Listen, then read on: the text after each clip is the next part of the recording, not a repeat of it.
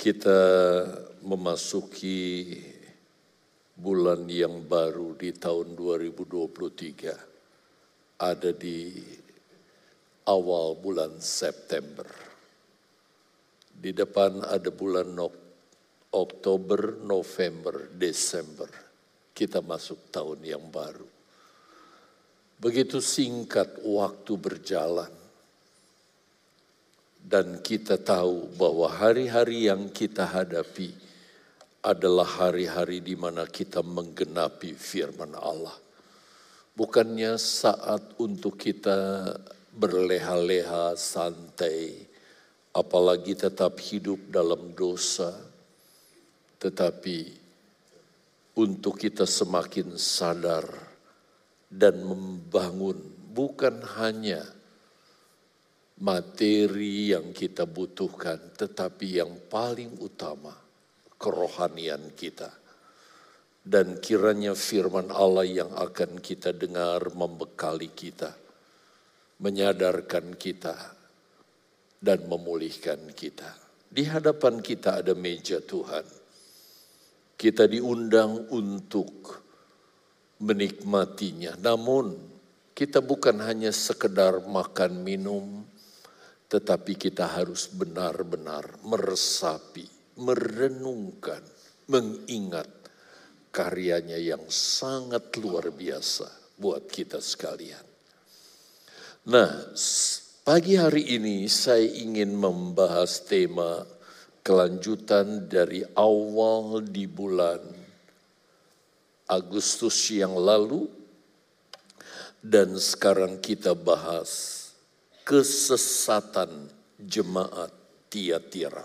Bulan lalu kita membahas bagaimana Yesus memuji jemaat Tiatira.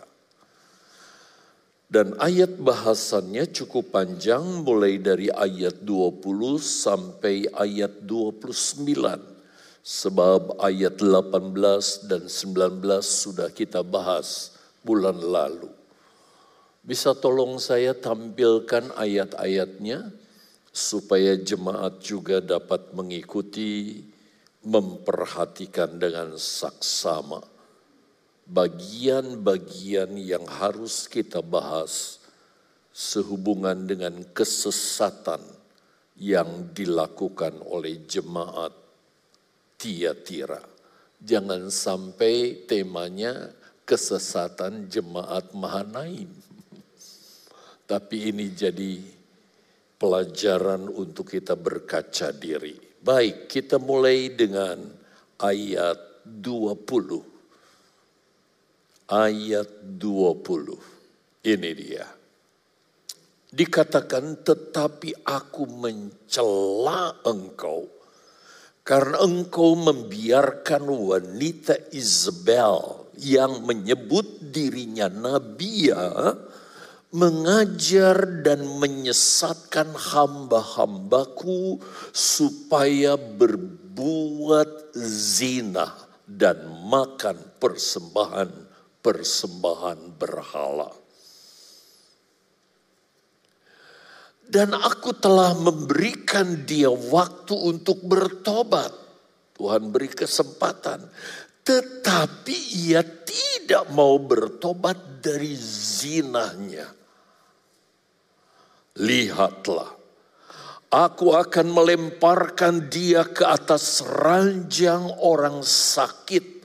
Apa yang dimaksud ranjang orang sakit nanti kita akan bahas dan mereka yang berbuat zina dengan dia akan kulemparkan ke dalam kesukaran besar jika mereka tidak bertobat dari perbuatan-perbuatan perempuan itu.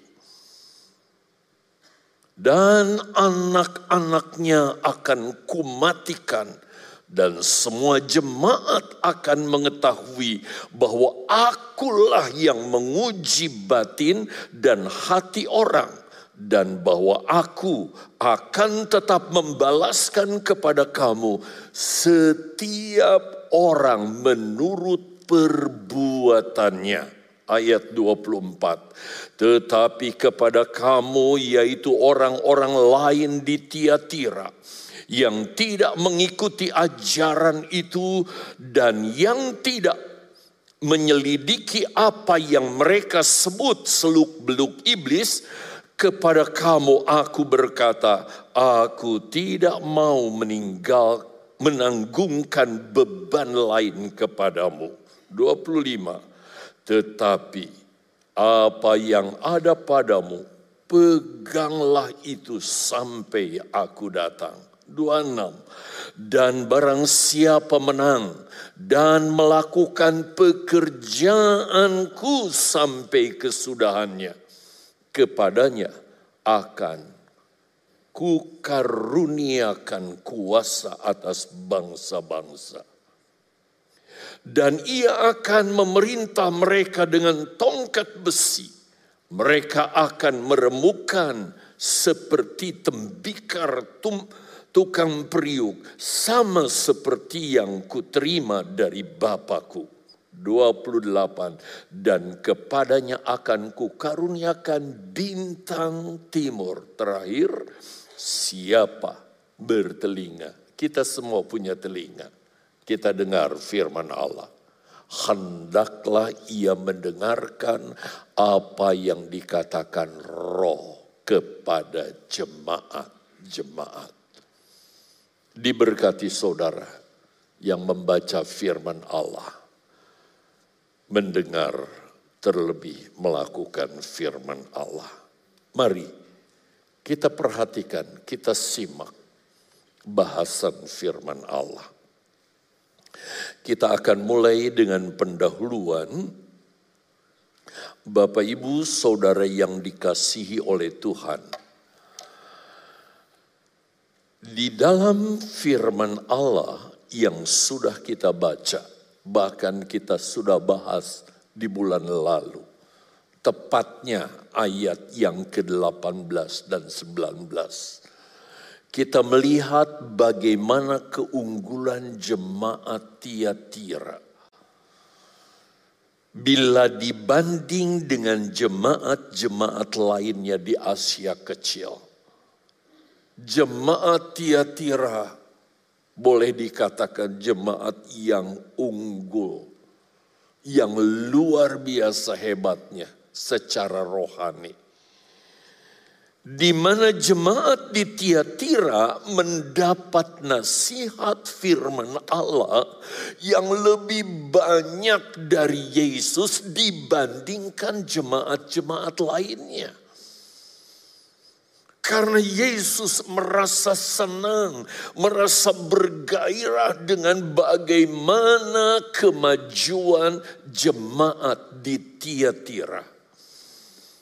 Tetapi Bapak Ibu Saudara yang dikasihi oleh Yesus, bukan hanya sampai di situ kebanggaan Yesus terhadap jemaat di Tiatira. Tetapi dengan melihat iman, kasih, pelayanan, ketekunan jemaat Tiatira. Yesus sangat senang melihat bagaimana kemajuan jemaat di Tiatira. Sehingga dari sisi kualitas maupun kuantitas jemaat di Tiatira sangat luar biasa. Sehingga Yesus katakan, apa yang kamu buat pertama, sekarang yang kamu lakukan terakhir lebih besar.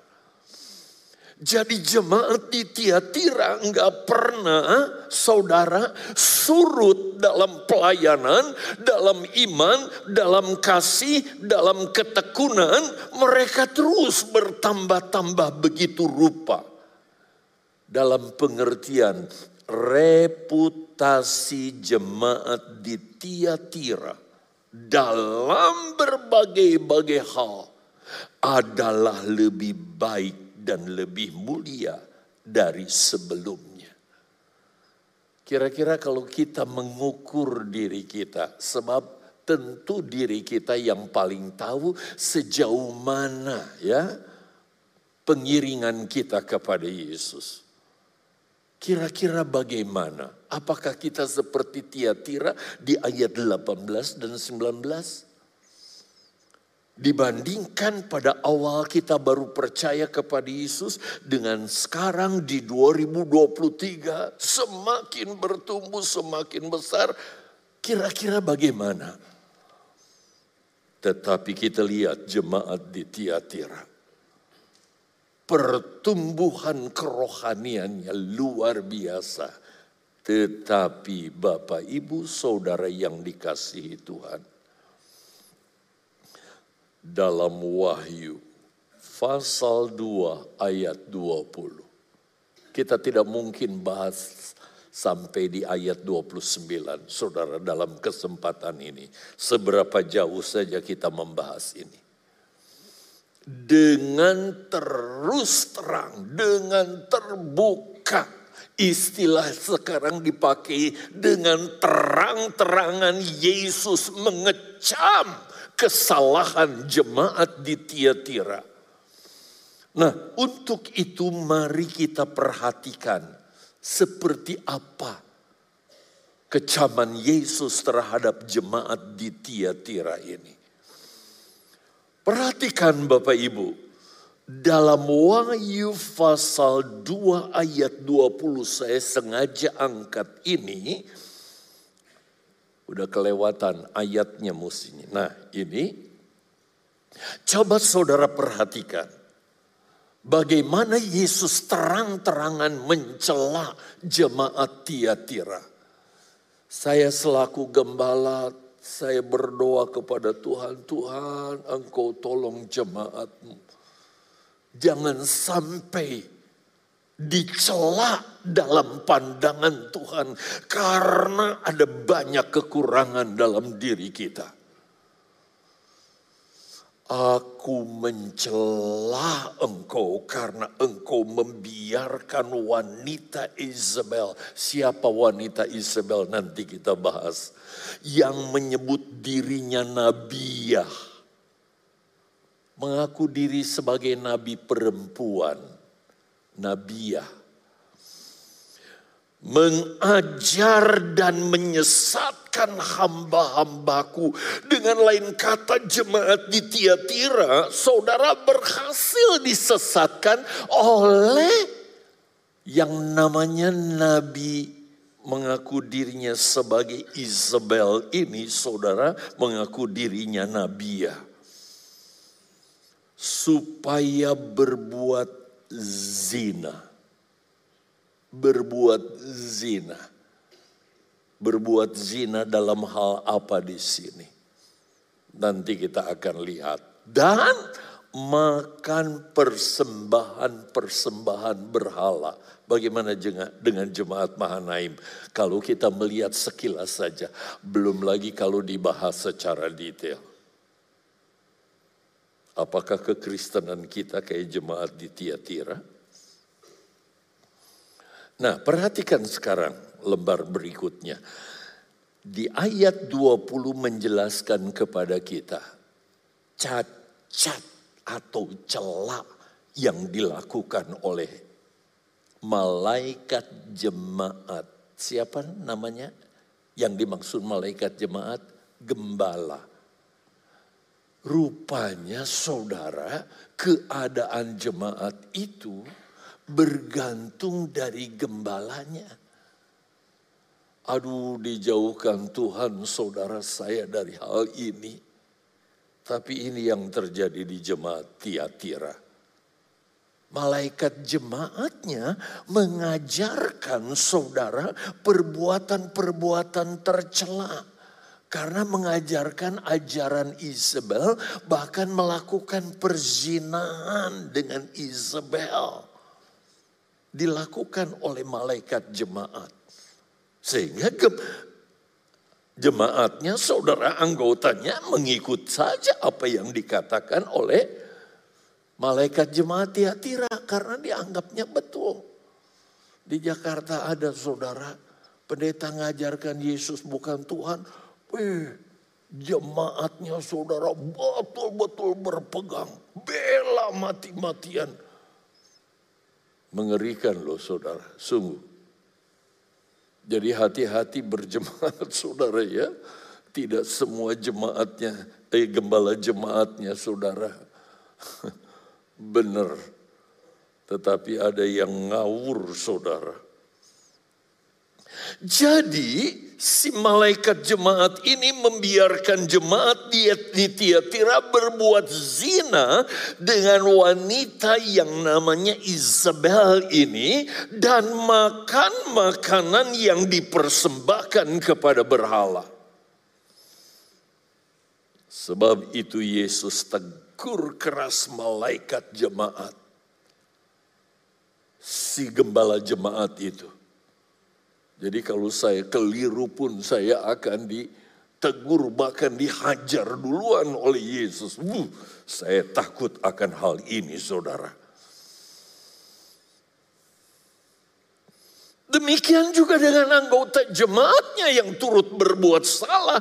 Mereka juga alami teguran yang sama. Mereka alami apa yang dilakukan oleh Tuhan sebagai hukuman karena kesesatan yang sudah mereka lakukan itu.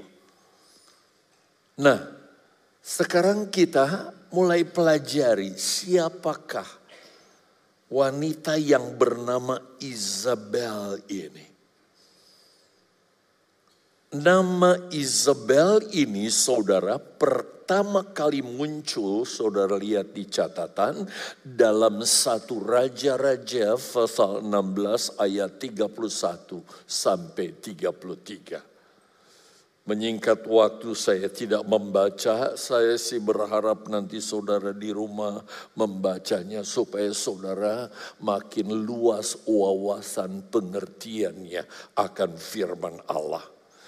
Dikatakan di sana bahwa Isabel ialah anak Etbaal, raja orang Sidon dari kalimat ini kita mengerti bahwa Isabel itu bukan umat Israel.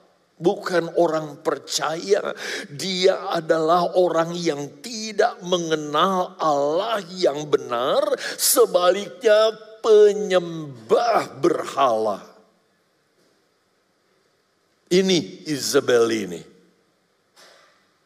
Eh, tapi orang ini berdiri di Tiatira, ngajar jemaat Tiatira. Oh, jemaat Tiatira manut aja ikut. Hati-hati pengajaran di akhir zaman ini saudara. Sangat mengerikan. Dan yang mengerikan kalau saudara lihat lembar berikutnya, slide berikutnya. Ahab Raja Israel justru menikahi Isabel ini dan membiarkan dirinya diperbudak oleh Isabel dalam segala hal, termasuk hal rohani. Diperbudak oleh Isabel, termasuk imannya. Sehingga saudara yang dikasihi oleh Tuhan, pada saat Ahab memerintah sebagai raja di Israel, memerintah rakyatnya yang notabene adalah umat Allah. Pengaruh Isabel itu yaitu penyembahan kepada berhala, penyembahan kepada dewa-dewa khususnya dewa Baal itu menjadi gaya hidup orang Israel karena tumbuh berkembang begitu rupa. Orang-orang yang menyembah Tuhan jadi tinggal sedikit alias kaum minoritas di Israel sangat menyedihkan.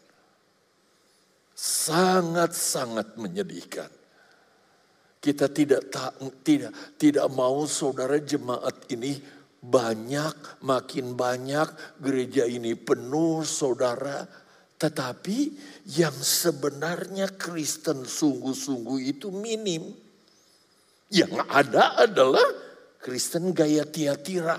Aduh itu jangan sampai terjadi. Bapak Ibu.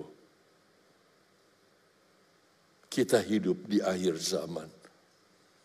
Kekristenan kita harus lebih sungguh-sungguh dari waktu-waktu yang lalu.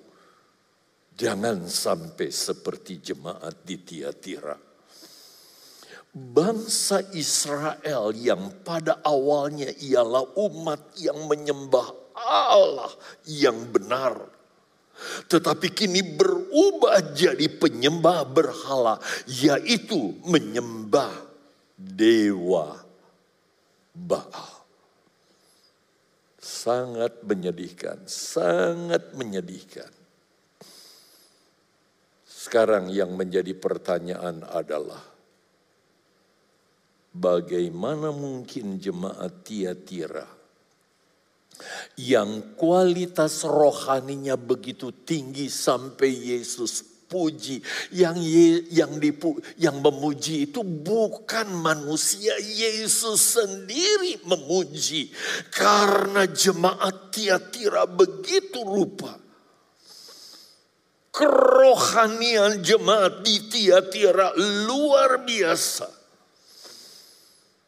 Seperti yang telah kita pelajari di awal dalam bahasan kita ketika kita membahas ayat 18 dan 19 bagaimana kualitas rohani mereka begitu rupa? Tetapi pertanyaannya sekarang bagaimana mungkin jemaat Tiatira yang tadinya bertumbuh secara rohani begitu rupa, tapi bisa disusupi oleh roh Isabel dan disesatkan menjadi penyembah berhala, penyembah Baal. Hati-hati. Jemaat di Tiatira gambaran jemaat di tahun 600-an ketika Islam baru muncul di muka bumi ini.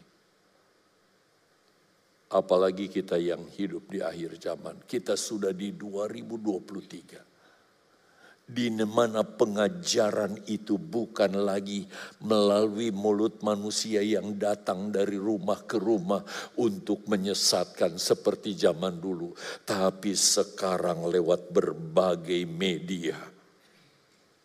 Kalau kita nggak sungguh-sungguh membangun kekristenan kita, jemaat Mahanaim hati-hati kita menghadapi keadaan dunia sekarang ini. Bukan saatnya kita nyantai-nyantai lagi. Bagaimana jemaat Tiatira yang awalnya begitu moncer saudara, hebat. Tapi bisa dirusakkan begitu rupa. Saya ambil kesimpulannya supaya kita betul-betul punya pegangan. Di sinilah saudara perhatikan pentingnya kita bertumbuh membangun kekristenan kita jadi dengan berkaca kepada jemaat Tiatira ini, kita seolah-olah diajak berkaca melihat diri kita hati-hati. Jangan santai dalam pengiringan kita, saudara. Ah, sesekali ke gereja, nggak perlu sering-sering Toh yang penting saya tetap ada di dalam Yesus, ikut Yesus. Sama sekali tidak.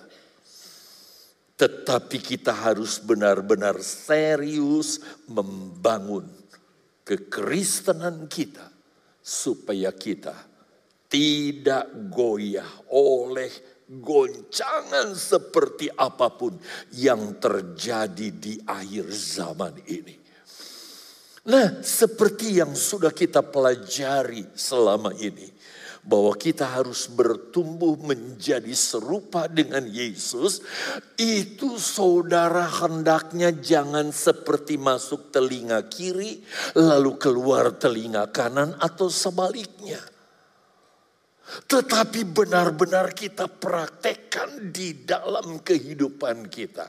Coba yuk kita kembali lihat lagi ayatnya di mana setiap orang Kristen diwajibkan menjadi serupa dengan Yesus. Jadi target saudara untuk bertumbuh bukan sama seperti pengerja, sama dengan staf, sama seperti gembala. Kami bukan ukuran saudara. Ukuran kita adalah Yesus.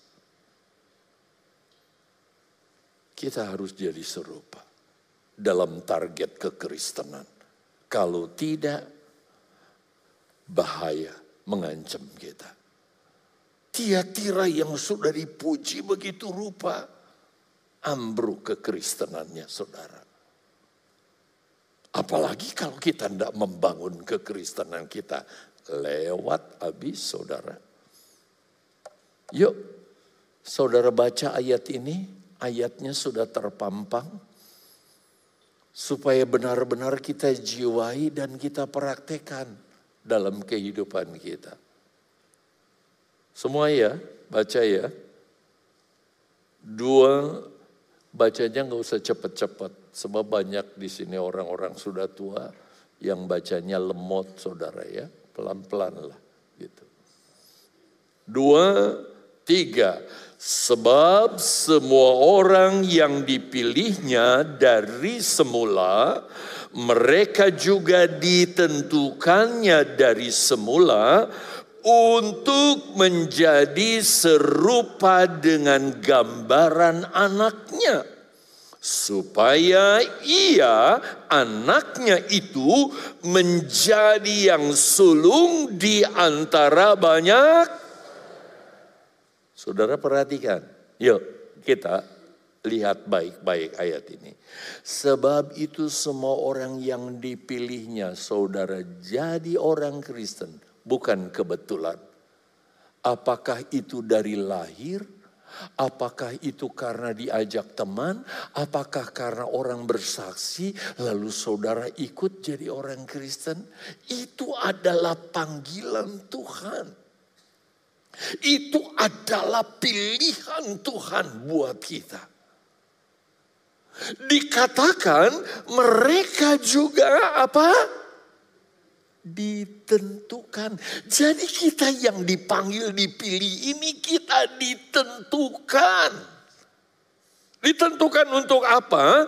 Dari semula untuk menjadi serupa dengan gambarannya, dengan selem, dengan image, dengan figur Yesus. Jadi saya pernah katakan beberapa minggu lalu. Seharusnya dunia tetap melihat Yesus sampai sekarang. Melihatnya bukan seperti lihat saudara lihat di gambar ya. Dia berjubah, rambutnya panjang, ada jang, ada berewok dan sebagainya. Lalu jalannya begitu wibawa kalem. Lalu kita jadi seperti dia. Dan danannya juga kayak orang timur tengah kayak tetangga kita saudara. Bukan begitu.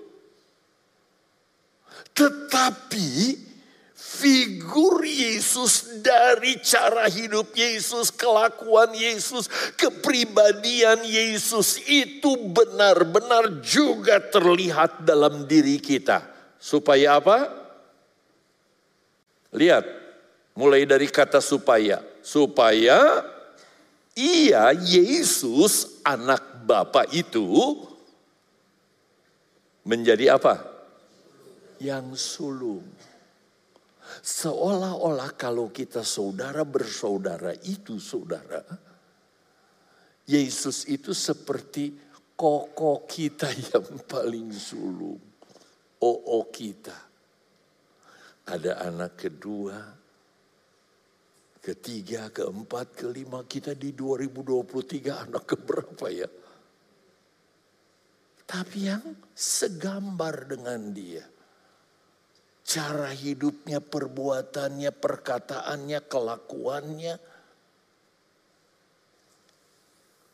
Saya di sekolah Alkitab pernah tanya, kira-kira orang pertama yang lahir baru yang menjadi segambar dengan Yesus itu siapa ya?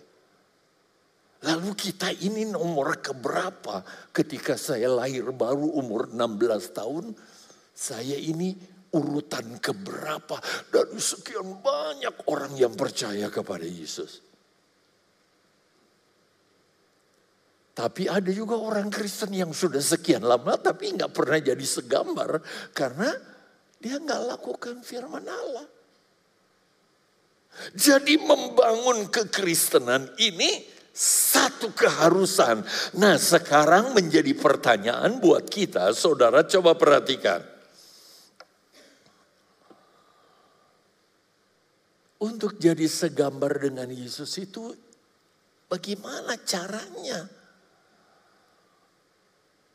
Untuk kelakuan saya menjadi seperti Yesus itu bagaimana caranya? Nah ini yang sudah diulang-ulang oleh saya kepada saudara. Tapi apakah ini nyangkut nggak di pikiran, di ingatan saudara? Apalagi sampai dipraktekan. Sudah lihat ayatnya? Belum lihat ayat. Hah. Realisasinya Roma 8 ayat 29 itu wujudnya adalah seperti ini. Prakteknya. Menambahkan ke atas imanmu apa katanya? Justru karena itu kamu harus perhatikan kata harus. Ini nggak bisa tidak. Setiap keluarga alaki kita sekalian harus saudara. Ini nggak boleh diabaikan. Kalau enggak, kita kayak jemaat Tiatira. Sangat bahaya, sangat mengerikan.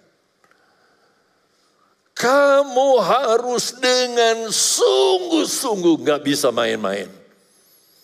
Jadi kekristenan yang cuma asal-asalan, ke gereja juga semaunya aja, lagi moodnya baik ya datang ke gereja. Saya nggak tahu mau jadi apa kekristenannya ke depan. Kalau dia tidak serius. Sebab di sini dikatakan dengan sungguh-sungguh berusaha untuk menambahkan kepada imanmu. Jadi sesudah kita beriman, percaya kepada Yesus, harus terekspresi yang pertama apa? Kebajikan. Kita ke gambar saja ya, supaya lebih cepat, gampang. Coba tolong pindah ke gambar. Di mana kita sekarang? Klik. Di mana kita? Di sini posisi kita. Posisi Yesus di mana? Klik sekali lagi. Ah. Seperti langit dan bumi jadi fatal sekali ajaran hyper grace itu saudara. Sekali selamat, tetap selamat. Itu ajaran yang gak betul. Ajaran sesat. Yang mengajarkan gak ke gereja juga gak apa-apa. Yang penting udah percaya kepada Yesus nanti masuk surga. Tuh udah percaya kepada Yesus, udah diselamatkan. Bahaya ajaran itu. Tapi kepada orang yang sudah beriman, kita anak-anaknya yang dipilihnya, maka wajib kita menambahkan klik satu kali. Nah ini harus terekspresi dalam diri kita. Udah praktekkan gak kewajiban? Dengan lakukan kebajikan. Sehingga teman kita dapat melihat kebajikan. Bahkan mereka yang gak kenal Kristus pun. Orang Kristen. Ciri khasnya. Kebajikan. Lalu Rajin dong ke gereja. Pelajari firman Allah. Klik yang kedua, ini pengetahuan firman Allah. Jadi di gereja pun kita nggak cuma sekedar. Itu sebabnya ada yang gaya penginjil, ada yang gaya rasul, ada yang gaya ini, tapi ada juga yang gaya guru memberi pengajaran. Supaya kita semakin mengerti firman Allah. Kalau kekristenan kita minim pengertian akan firman Allah yang benar, bukan cuma sekedar firman Allah ya. Sebab ada berbagai-bagai pengajaran yang sesat juga banyak. Tapi pengetahuan yang benar. Sehingga kita punya penguasaan diri dalam diri kita. Entah godaan apa pun termasuk ajaran Isabel tadi. Yang mengajarkan untuk berzina Nanti kita lihat zinahnya seperti apa saudara. Kita punya penguasaan diri yang gak gampang tergoda saudara. Ajakan-ajakan dunia dan kejahatan bukan semakin surut berkurang. Tapi semakin hebat. Dan kalau kita nggak punya penguasaan diri karena firman Allah gampang terseret kita jadi Kristen yang tekun. Nggak asal-asalan ke gereja, tapi benar-benar tekun. Ada ujian, tantangan, bahkan tidak sedikit cobaan kita alami. Kita tidak menjadi surut dalam pengiringan, tetapi tekun bahkan semakin saleh. Kristiano saudara nggak mau, saudara salah sedikit aja nggak mau. Dia ikuti jejak demi jejak saudara dengan presisi, dengan sesuai. Ikuti semua kebenaran firman Allah begitu rupa. Dan kasih pilia itu terekspresi di dalam diri kita kasih kepada saudara seiman. Kasih kepada orang-orang yang membutuhkan. Kasih kepada mereka yang benar-benar memerlukan pertolongan. Sampai kita menjadi sama seperti Yesus. Kita dapat mengasihi orang yang mem memusuhi kita sekalipun yang membenci kita. Bahkan mungkin orang itu sudah menyakiti kita begitu rupa rasanya nggak akan terampuni.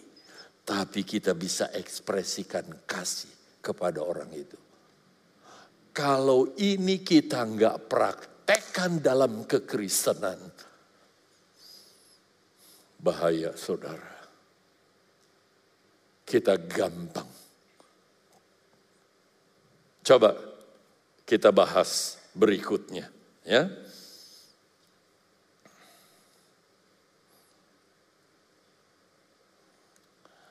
Sekarang kita lihat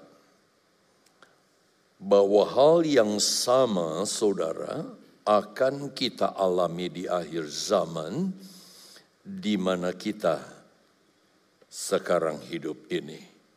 Sebab roh yang sama yaitu roh Isabel. Dengar, roh Isabel. Yang bagi kita yang hidup di akhir zaman ini bukan roh Isabel lagi yang kita hadapi. Tetapi Isabel yang zaman dulu itu di akhir zaman akan muncul dengan yang disebut roh antikris saudara. Roh antikris. Dan firman Allah mengatakan bahwa itu sudah digenapi saudara. Antikrisnya belum digenapi. Yang disebut seorang antikris. Tapi banyak antikris yang dimaksud roh antikris itu sudah nyata tak sekarang ini. Enaknya kita baca saja untuk ayat ini. Saya rasa cukup ayat 18 saja ya yang kita baca. Saya sudah sediakan ayatnya kalau tidak salah. Oke. Perhatikan ayat 18 saudara. Saya yang baca kali ini. Anak-anakku. Yohanes menasehati jemaatnya dengan panggilan anak-anakku. Waktu ini adalah waktu yang terakhir, di mana dispensasi hidup kita sekarang ini adalah yang terakhir. Zaman Bapa sudah berlalu, zaman anak sudah berlalu, sekarang kita di zaman roh, zaman terakhir, di mana kita sekarang ini hidup. Dan seperti yang telah kamu dengar, mungkin saudara juga sudah dengar seorang antikris akan datang. Lihat, seorang antikris akan datang. Itu komputer suka ganti-ganti, saudara. Ditulis dating di situ. Maksudnya datang, saudara. Dikira lagi mau ngedet lagi saya ya. Sampai sekarang ini, detik ini, kalimat ini tidak berubah sebab belum digenapi kedatangan antikris. Yang namanya oknum antikris itu belum digenapi. Masih tetap akan datang karena dia belum datang. Tapi kalimat berikutnya yang saya kasih tanda warna biru ini, sekarang telah bangkit banyak antikris. Telah bangkit banyak antikris. Siapa yang dimaksud banyak antikris di sini? Antikris itu cuma seorang. Lihat kalimat di atas.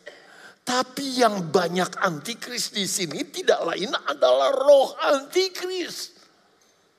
Jelmaan dari roh Isabel di zaman perjanjian lama itu, dia bekerja saudara melanda dunia ini dan ada di mana-mana. Termasuk di Tegal. Dia bekerja begitu rupa. Itulah tandanya bahwa waktu ini benar-benar adalah waktu yang terakhir. Saudara, kerja iblis itu akan berakhir. Itu sebabnya dia akan berusaha menyeret orang sebanyak-banyaknya. Supaya menemani dia di dalam neraka. Termasuk orang-orang pilihan saudara dan saya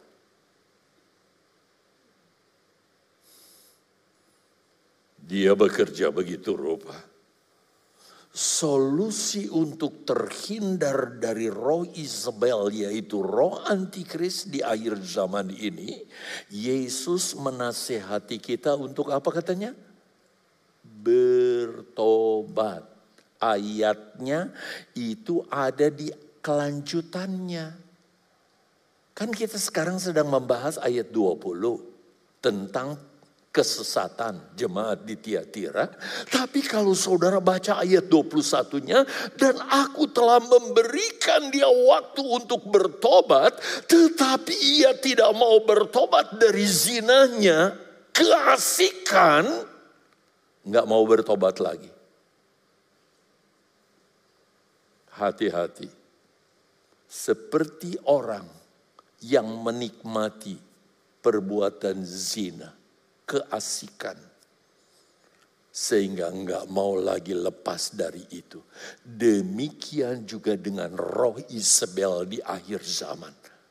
Kalau dia mengikat, dia akan membuat kita ketagihan begitu rupa. Kalau kita tidak hati-hati, sampai ketika Yesus menasehati suruh bertobat, dia nggak mau bertobat saudara. Mungkin saudara bertanya, dengar jemaat baik-baik. Apakah hubungannya antara roh Isabel atau roh antikris dengan zina? Pak Pendeta, saya tipikal pria yang setia. Dan saya tidak pernah berbuat zina dengan siapa pun, jujur. Sampai sekarang saya hanya kenal satu wanita yaitu istri saya. Sebab saya tidak mau mengkhianati orang yang saya kasihi, yaitu istri saya. Mungkin ada pria idealis seperti itu. Saya bisa angkat jempol kepada orang itu, betul hebat kamu. Saudara orang yang setia dan tidak pernah mengkhianati istri atau suami. Kalau ada anak muda di sini, dia mempertahankan bujangnya sampai di hari pernikahan. Dia tidak mau berhubungan seksual dengan siapa pun. Keren. Tetapi dengar saudara. Dengar. Mungkin dalam hubungan seks. Kita seperti yang saya katakan itu. Ideal betul saudara. Tetapi tidak sedikit anak Tuhan yang sudah berbuat zina secara rohani.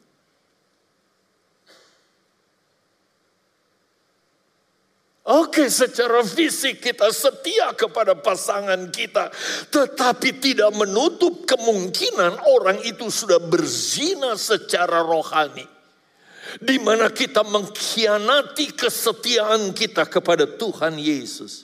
Caranya apa? Lihat catatan ini. Ada yang mengaku percaya Yesus. Tetapi orang itu masih percaya? Percaya? Ada jemaat Mahanaim yang begitu? Orang itu sudah terkontaminasi roh antikris yang berasal dari roh Isabel yang sudah merusakkan.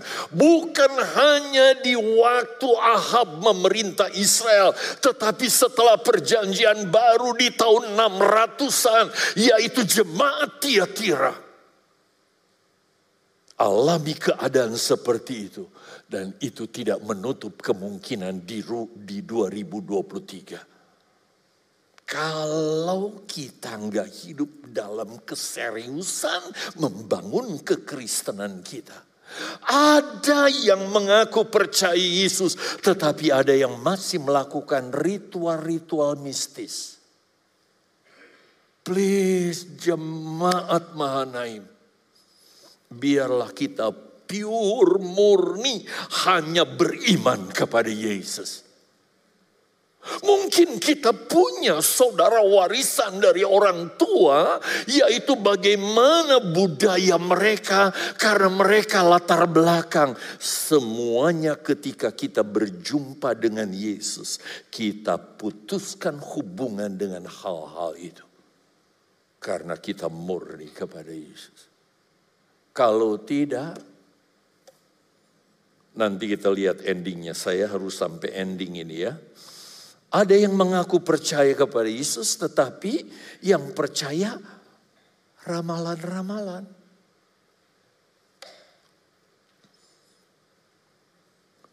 Kedukunnya enggak, tapi ramalannya saudara kita percayai.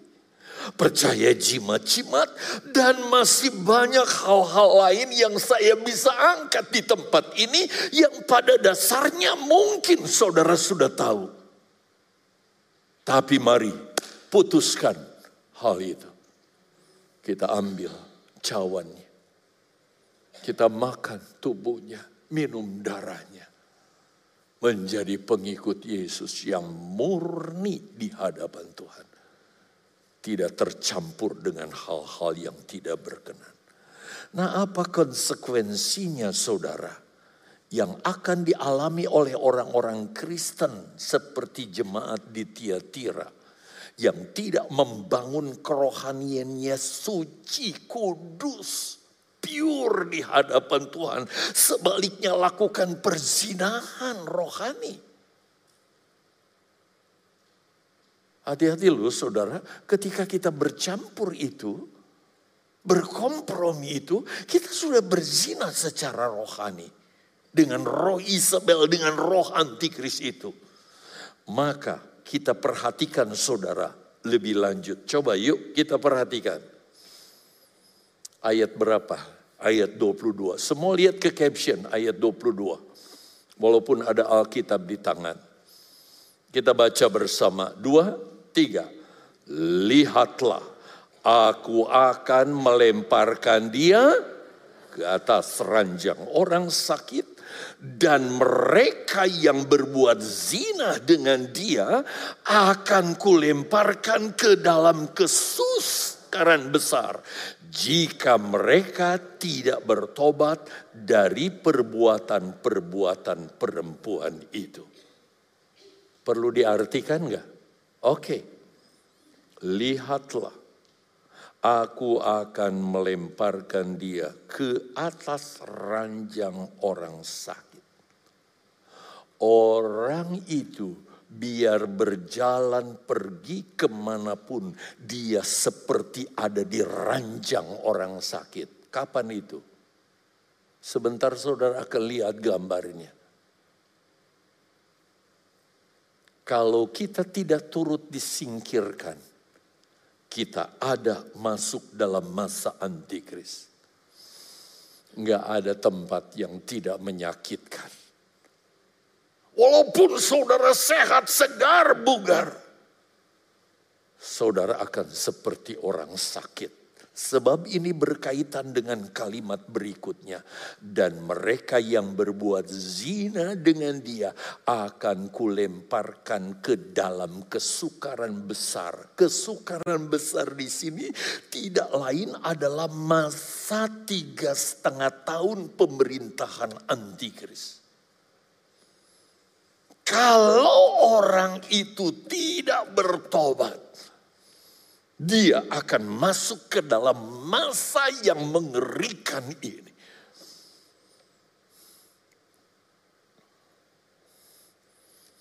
Dari perbuatan-perbuatan perempuan itu. Jadi lebih baik mem mumpung saudara kita belum sampai ke sana sekarang ini yo kita bersihkan kekristenan kita dengan membangun kekristenan kita di atas iman kebajikan di atas kebajikan dan seterusnya saudara. Sampai kita menjadi serupa dengan Yesus Walaupun mungkin kita harus alami kerugian dan berbagai-bagai hal lain, yang penting aku bersama dengan Yesus dalam kemuliaan. Lebih baik kita lihat saja saudara. Yuk. Peristiwa di akhir zaman menjelang kedatangan Yesus kedua kali. Nah sekali-sekali ya, sekali-sekali aja. Sebab banyak yang sudah mengerti tetapi ada juga yang pertama kali. Nah saya kalau buat garis lurus begini, ini adalah berbicara tentang rentang waktu. Saya gambarkan awal di akhir zaman yaitu dimulai dengan saat Yesus disalibkan. Inilah dispensasi yang terakhir yang disebut akhir zaman itu. Rentang akhir zaman ini akan diakhiri dengan saat kedatangan Yesus kedua kali. Klik sekali lagi. Iya. Itu nah rentang waktu kita. Kita ada di mana? Sudah di penghujung. Nah saudara harus ketahui menjelang kedatangan Yesus ada masa aniaya antikris. Saya gambarkan kengeriannya dengan warna merah darah. Keadaan yang mengerikan. Rentang waktunya berapa lama ini? Tiga setengah tahun, bukan tujuh tahun. Saudara, Kira-kira kita di mana? Satu kali klik. Kayaknya kejauhan ya. Rasanya udah dekat deh, tapi biarin aja di situ.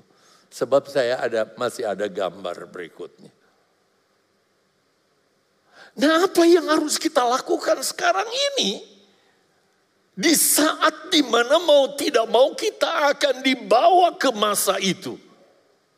Yang gambar merah itu mengerikan.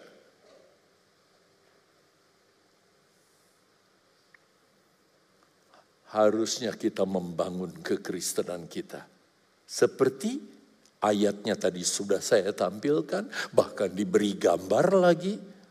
Kalau nggak mengerti sih udah ke kenemenan. Kalau tidak, apa yang terjadi? Klik.